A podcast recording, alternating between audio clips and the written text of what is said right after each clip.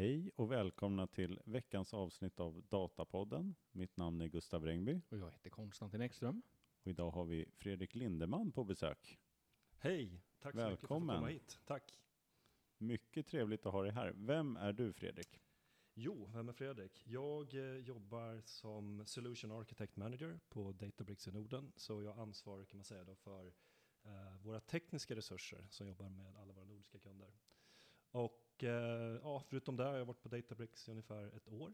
Eh, har väl eh, börjar bli gammal, så har jag väl ungefär 28 år i branschen tyckte jag räknade ut häromdagen. Eh, jobbat med olika typer av konsultbolag genom åren, eh, amerikanska bolag, eh, jobbat på eh, på till exempel Microsoft i 17 år faktiskt. Eh, så att eh, lite olika typer av roller, teknik, försäljning eh, och ledarskap då. Och eh, började väl framförallt i tekniska roller och sen har man gått över lite mer mot försäljning och eh, ledarskap på slutet nu då. Och, som en liten parentes bara måste jag bara nämna, var lite roligt, jag lyssnade in på lite avsnitt här innan jag kom hit och eh, har jobbat ganska nära med Simon som var här för någon vecka sedan Mm. på, på Microsoft. Då. Så vi satt tillsammans på supporten där i många år, sida vid sida. Och även Jari faktiskt, som också var här, som kom från Microsoft. Då. Så Ah, vad roligt. kollegor i många år där, så Ja. att, eh, lite roligt att höra. Så Ja. att, men eh, ja, jättekul att vara här och eh, gillar verkligen podden. Eh, som sagt var, jag måste säga att jag tycker ni har hittat någonting här och speciellt det här med att ni kör på svenska också, gör att det blir lite mer, lite annat. Ja, Sticker ut, så att, jättekul. ja, vad kul att du, att du gillar det. Ja, det. Det var väldigt roligt att ha Simon här. Du sa det här innan också. Det, är- det är superkul också. Ja. Det är, liksom, det är ju, hela den här branschen är ju som en stor, stor familj. Verkligen. Eller, alla alla är, känner varandra. Så är det verkligen, verkligen. Ja men strålande. Ska vi, eh, vi kör på på en gång. Ja. Och eh, vi sitter ju, nu när vi spelar in det här, det här är, spelas in någon vecka innan som det sänds då. Och eh, det är ju, samtidigt så går ju den här eh, Lakehouse, eh, nej, Data AI Summit som Databricks har. Mm. Så att den, den har ju börjat här. Så vi tar ju en del artiklar som kommer utifrån den här och sammanfattar. Mm. Och en av de här då, som jag börjar med här då, det är från Reuters 28 juni släpptes den här artikeln. Rubriken är Databricks rolls out AI assistant to help analyze business data. På onsdagen 28 juni under Databricks årliga Data AI Summit introduceras då företaget en ny AI-assistent till produktfloran. Ska vi se, jag ska- som ska hjälpa affärsanvändare att kunna ställa frågor i vanligt tal om sin organisationsdata, säger man då i den här artikeln. Databricks är ett företag som förser sina kunder med en möjlighet att hantera all sin data.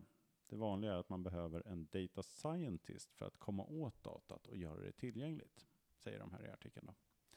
Den nya funktionen Lakehouse IQ kommer göra det möjligt för en affärsanvändare med hjälp av en AI-modell att tolka frågan och sedan hämta det behövda datat då, transformera det och presentera på ett passande sätt för användaren.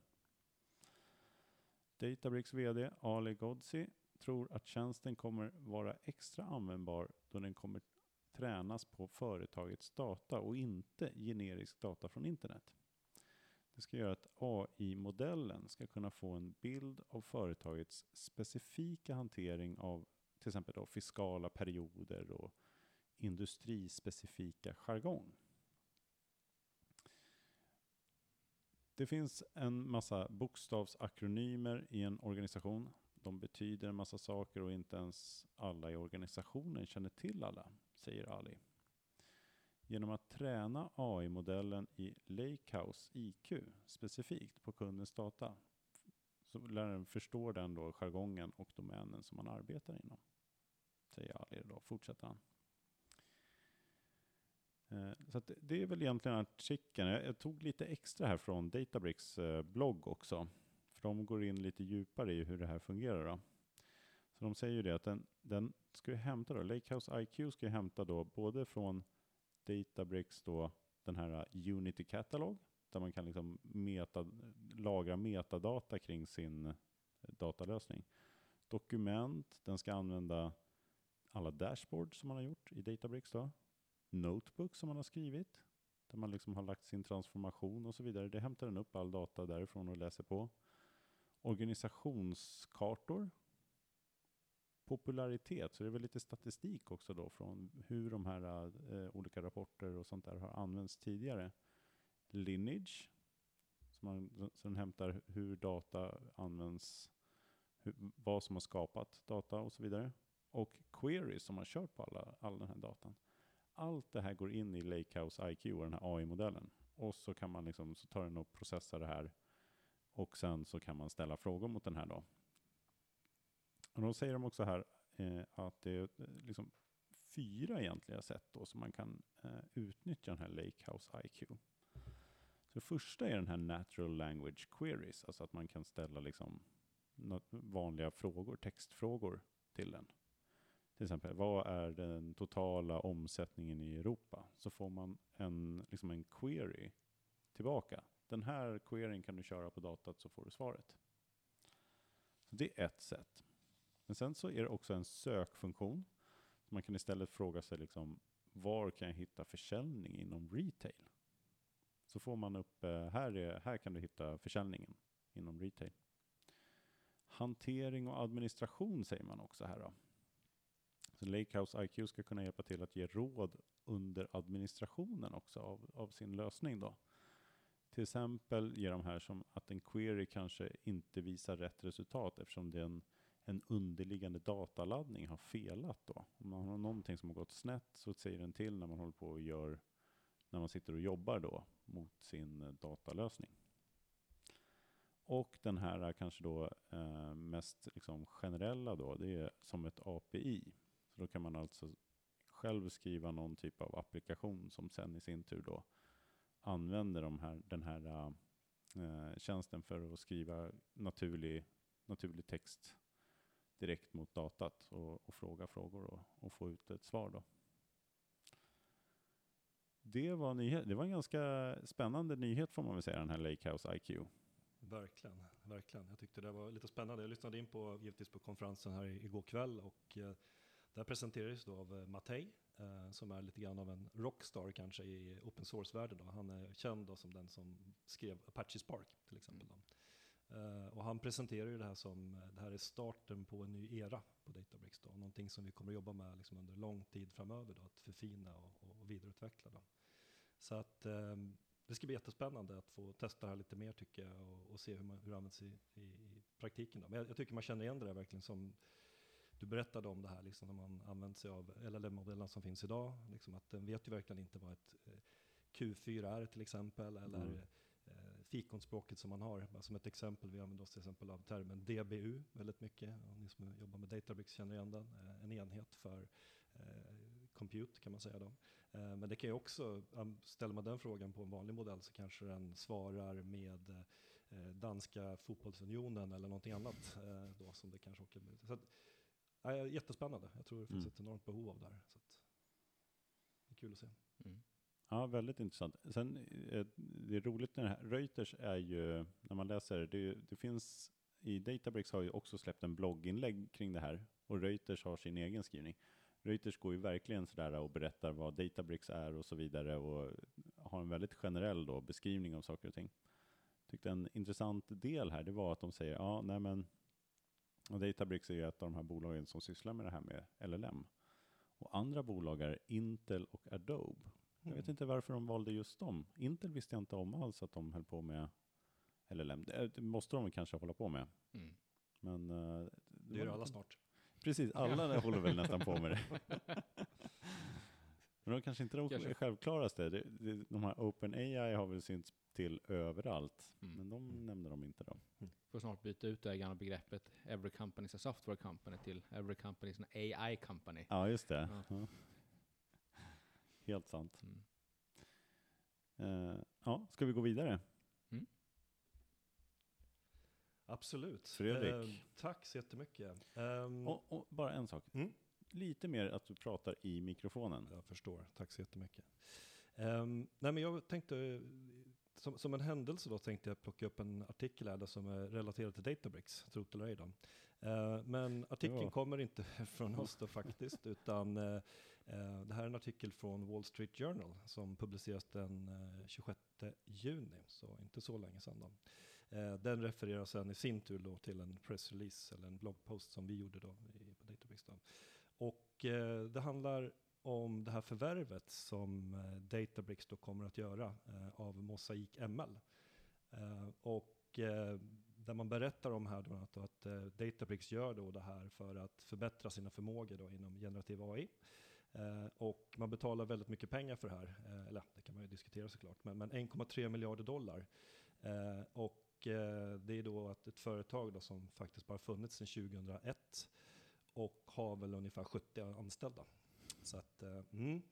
Eh, och vad är då Mosaic ML då? Jo, det är då den eh, kanske ledande AI-plattformen då för företag som vill eh, bygga, hantera sina egna generativa AI-modeller, då, eh, LLMs. Eh, och eh, bland annat är man känd då för att man har tagit fram open source-modellen MPT, som används stort idag. Då. Och eh, det som resoneras runt då liksom är då lite grann varför har Databricks valt att lägga så mycket pengar på det här? Eh, och eh, där man resonerar runt bland annat och som sagt att det finns ju kan man säga två olika vägar just nu när det gäller generativ AI och LLMs. Det ehm, finns eh, för och nackdelar med båda. Ehm, men det ena spåret handlar ju om att man använder sig av eh, mer proprietära system, då, generiska modeller som OpenAI som du nämnde, ChatGPT eller Palm 2 och så vidare. Um, de är lite mer så att säga, black box på gott och ont um, och kanske till exempel API-baserade. Uh, ehm, och de är optimala om man vill komma igång snabbt, om man vill jobba med uh, generiska use case uh, och så vidare. Då. Men sen finns det, som ni tog, jag tog upp i er podd där för, om det var för någon vecka sedan, eh, så finns det en del frågetecken vad som gäller när det gäller med privacy och governance till exempel frågan, jag tror ni tog upp det här med kod till exempel, att törs man eh, trycka in kod i eh, en sån här modell eller inte? Vill man dela med sig av sina frågeställningar som är kopplade till sitt företag och, och sin strategi till exempel? Då.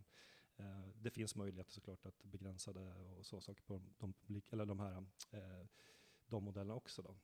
Men som sagt, så det är ju det ena spåret. Det andra spåret är att man bygger sin egen modell.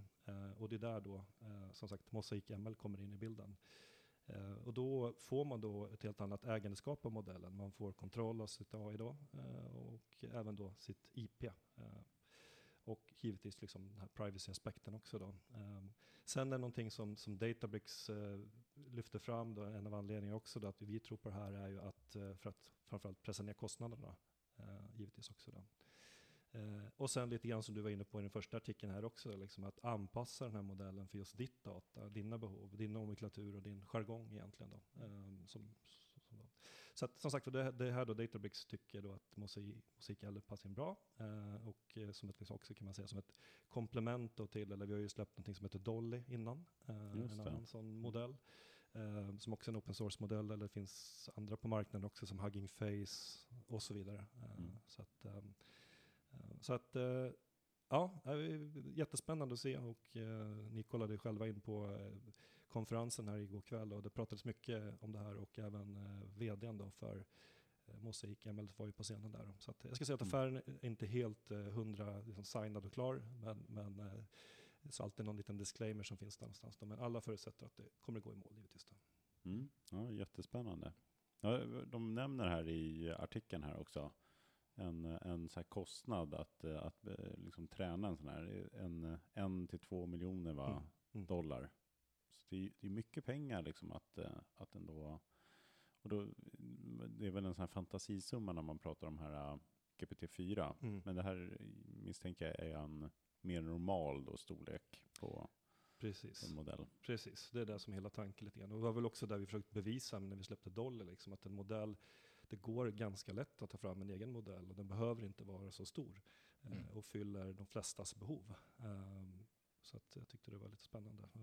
Jag tyckte också en, en diskussion som, som jag såg var kopplat till då att eh, många företag nu de sitter här och försöker krysta fram olika former av use case för LLM. Eh, de flesta vd och företagsledningar har fått det på sitt bord, att nu får ni göra någonting in, inom eh, generativ AI eller LAMS. Eh, men, och man slår knut på sig själv ibland tror jag genom att försöka hitta så häftiga och coola case som möjligt.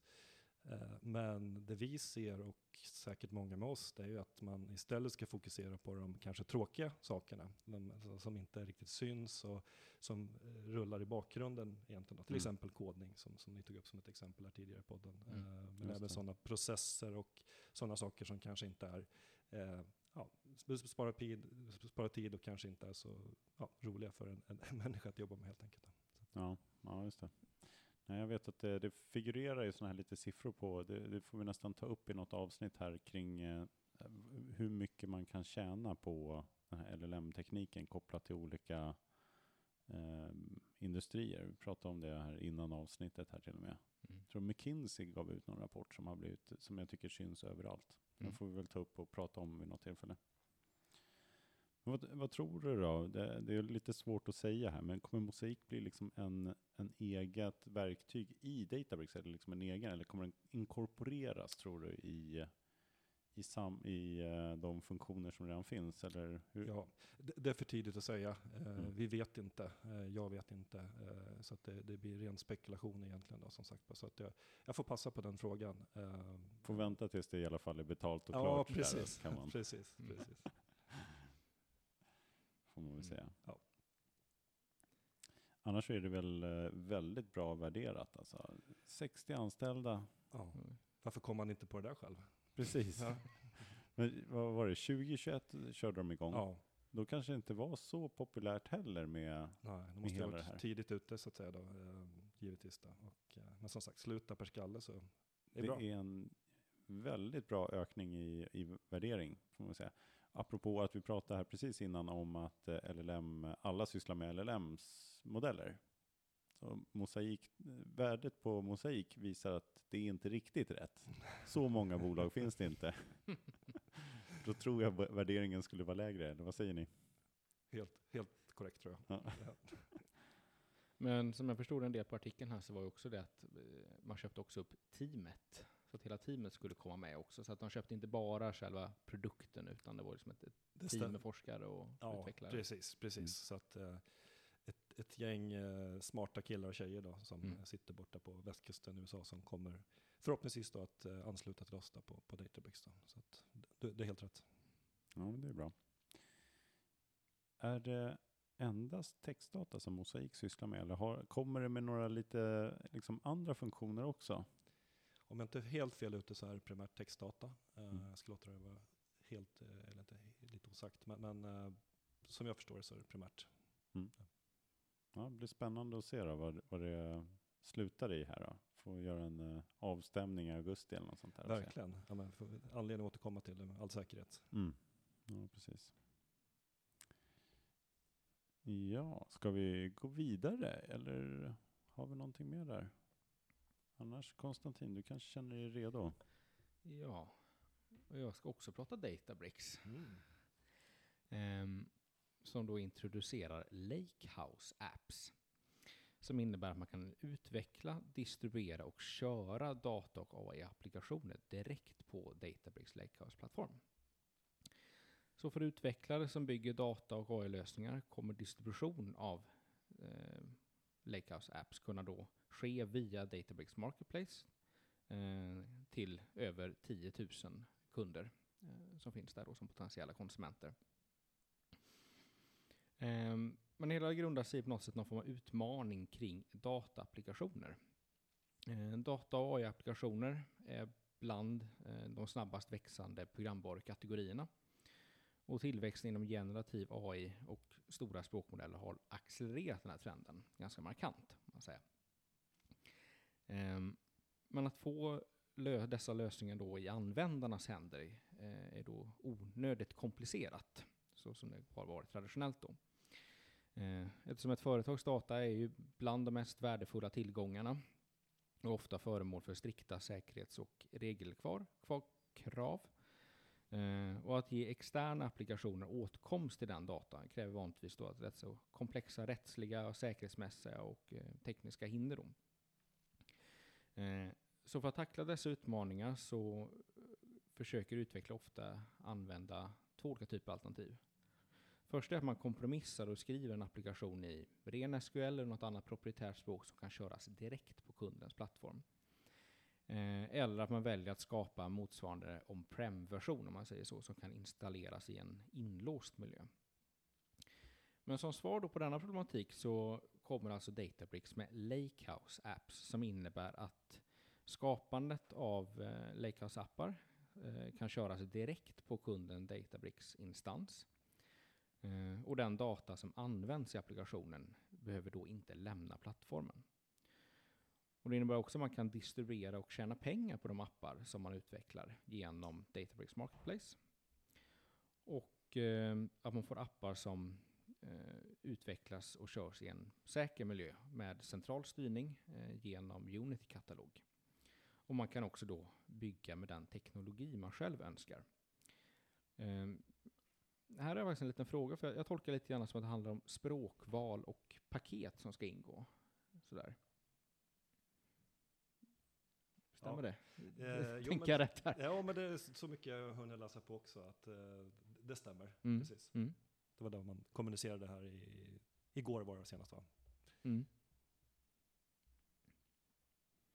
Precis, det var själva nyheten. Det var allt. Alles.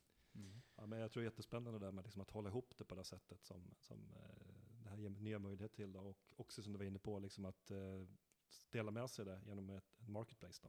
Eh, Ja. Som, Mm. jag vet att ni tog upp den redan för nästan ett år sedan nu, att ni pratade om marketplace. Då, men det är egentligen först nu som den går in i, general availability, som det heter, Just det.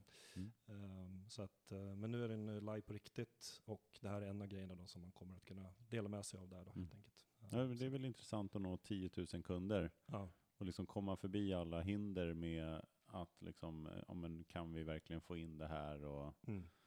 eh, massa krångel Mm. direkt Verkligen. in till datat. Ja, men jag tror det. Och eh, en sak som jag tyckte var lite häftig där också, det kanske eh, passerade förbi för många liksom, när det gäller marketplace, men jag tycker det är som någonting som törs säga de flesta kunderna som man är ute och träffar eh, idag eh, har, står inför samma utmaning, det vill säga att man vill dela sin data, ibland externt, men framförallt också internt inom sitt bolag. Eh, det kan handla om olika dotterbolag, enheter eller ehm, ja, på något sätt som är anknutet till företaget. Eh, och det är någonting som kommer att komma eh, också i Marketplace, det man kallar för Private Exchange.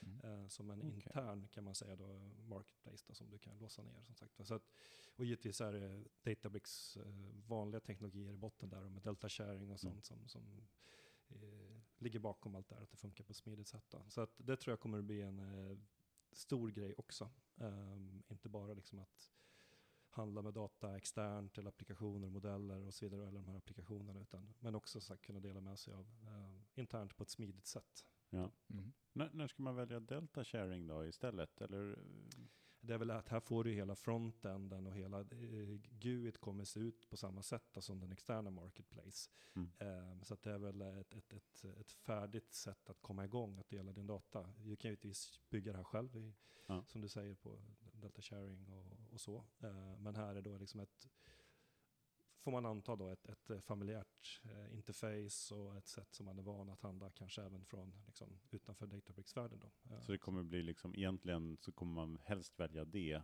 Och om man har några speciella behov så, så kör man delta sharing för så att kunna skulle man, det konfigurera skulle kunna vara vill. absolut, Liksom. det tror jag. Liksom. Det beror lite på vem som ska, som ska använda Mm. datat. Ja, som det. sagt var, det kanske inte, om man inte är en eh, dataknutte eh, och kan så kanske liksom, du kanske att föredra att eh, plocka upp datat eh, via ett Mm. marketplace istället då, eller private exchange som den heter. Mm. Så det blir spännande att se.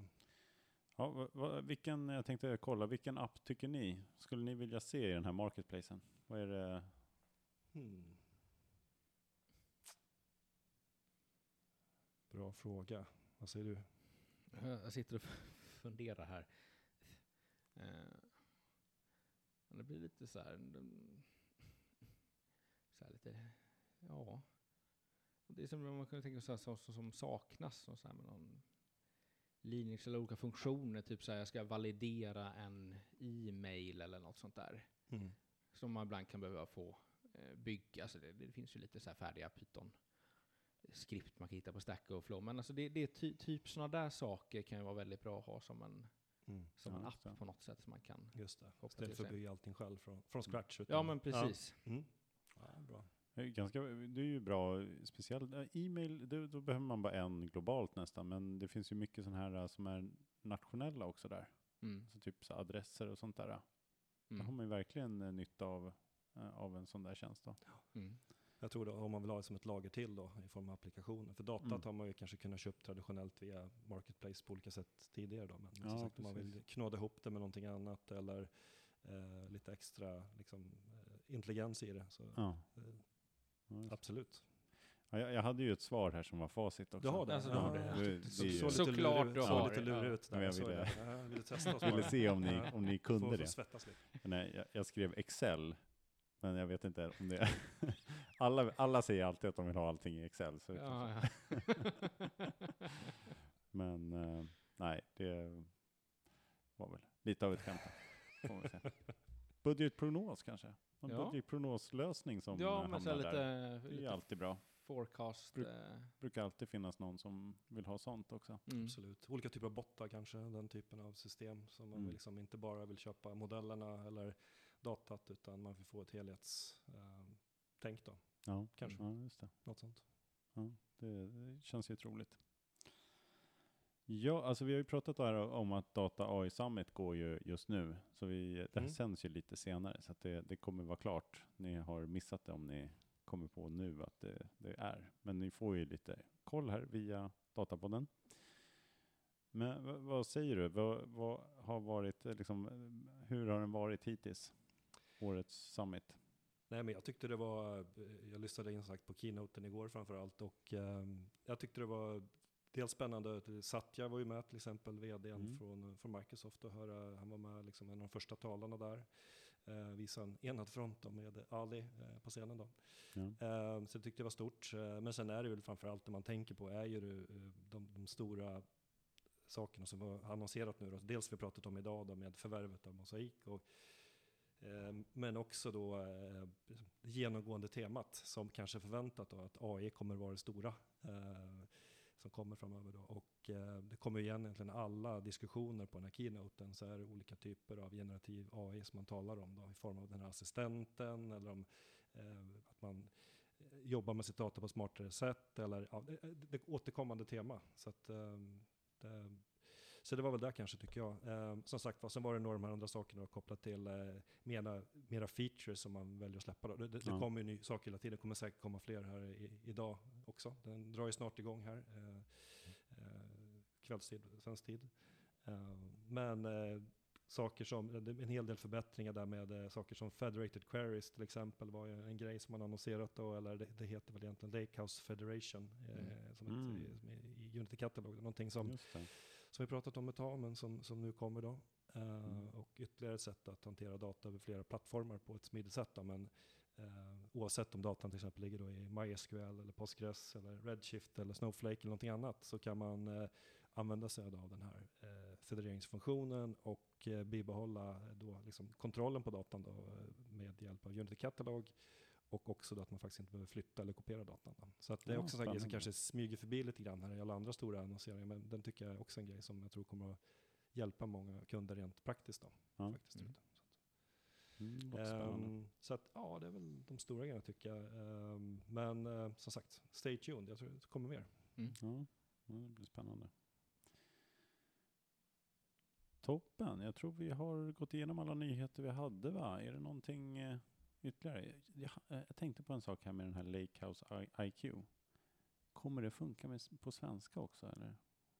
Det får man anta. Jag Ja. vet faktiskt inte än. Jag har inte sett det. Men, eh, Å andra sidan så kommer man vilja ha, jag menar det är ju inte särskilt bra, sällan särskilt bra att ha sina kopior på något annat än engelska. mm. Så man vill ju kanske hålla sig till någon slags koncernspråk hur som helst. Mm. Det blir en liten krock där i alla fall. Precis. Eh, om det inte finns nu i början så kan jag tänka mig att det, det, det kommer att komma. Eh, garanterat för att liksom Mm. kunna bredda sig. Då. Eh, jag menar, vi ser ju redan idag att det funkar bra i de andra LLM-modellerna med, med svenska.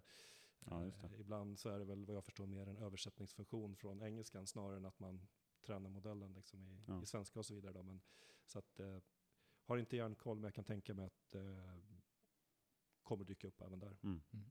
Det Men kanske som du man- säger, det är ju oftast eh, kodare och eh, eh, andra de sitter och använder den här, eh, till exempel då, och då är det mycket engelska i alla fall säkert som man använder sig av den. Ja, man, man kan nästan, om man har en informationsmodell där som Mm. är byggd på svenska så kan man ju nästan få ont i ögonen när man tittar på den.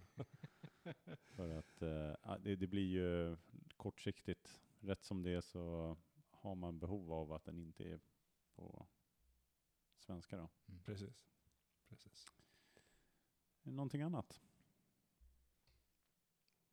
Nej, jag, som sagt, jag tycker det är jättekul att vara här. Eh, trevligt som sagt att träffas också. Jag hade försökt eh, lyssna in på podden. Jag sa nybliven fan som jag sa, men, men kommer definitivt att lyssna in igen. Ja, vad Eh, roligt.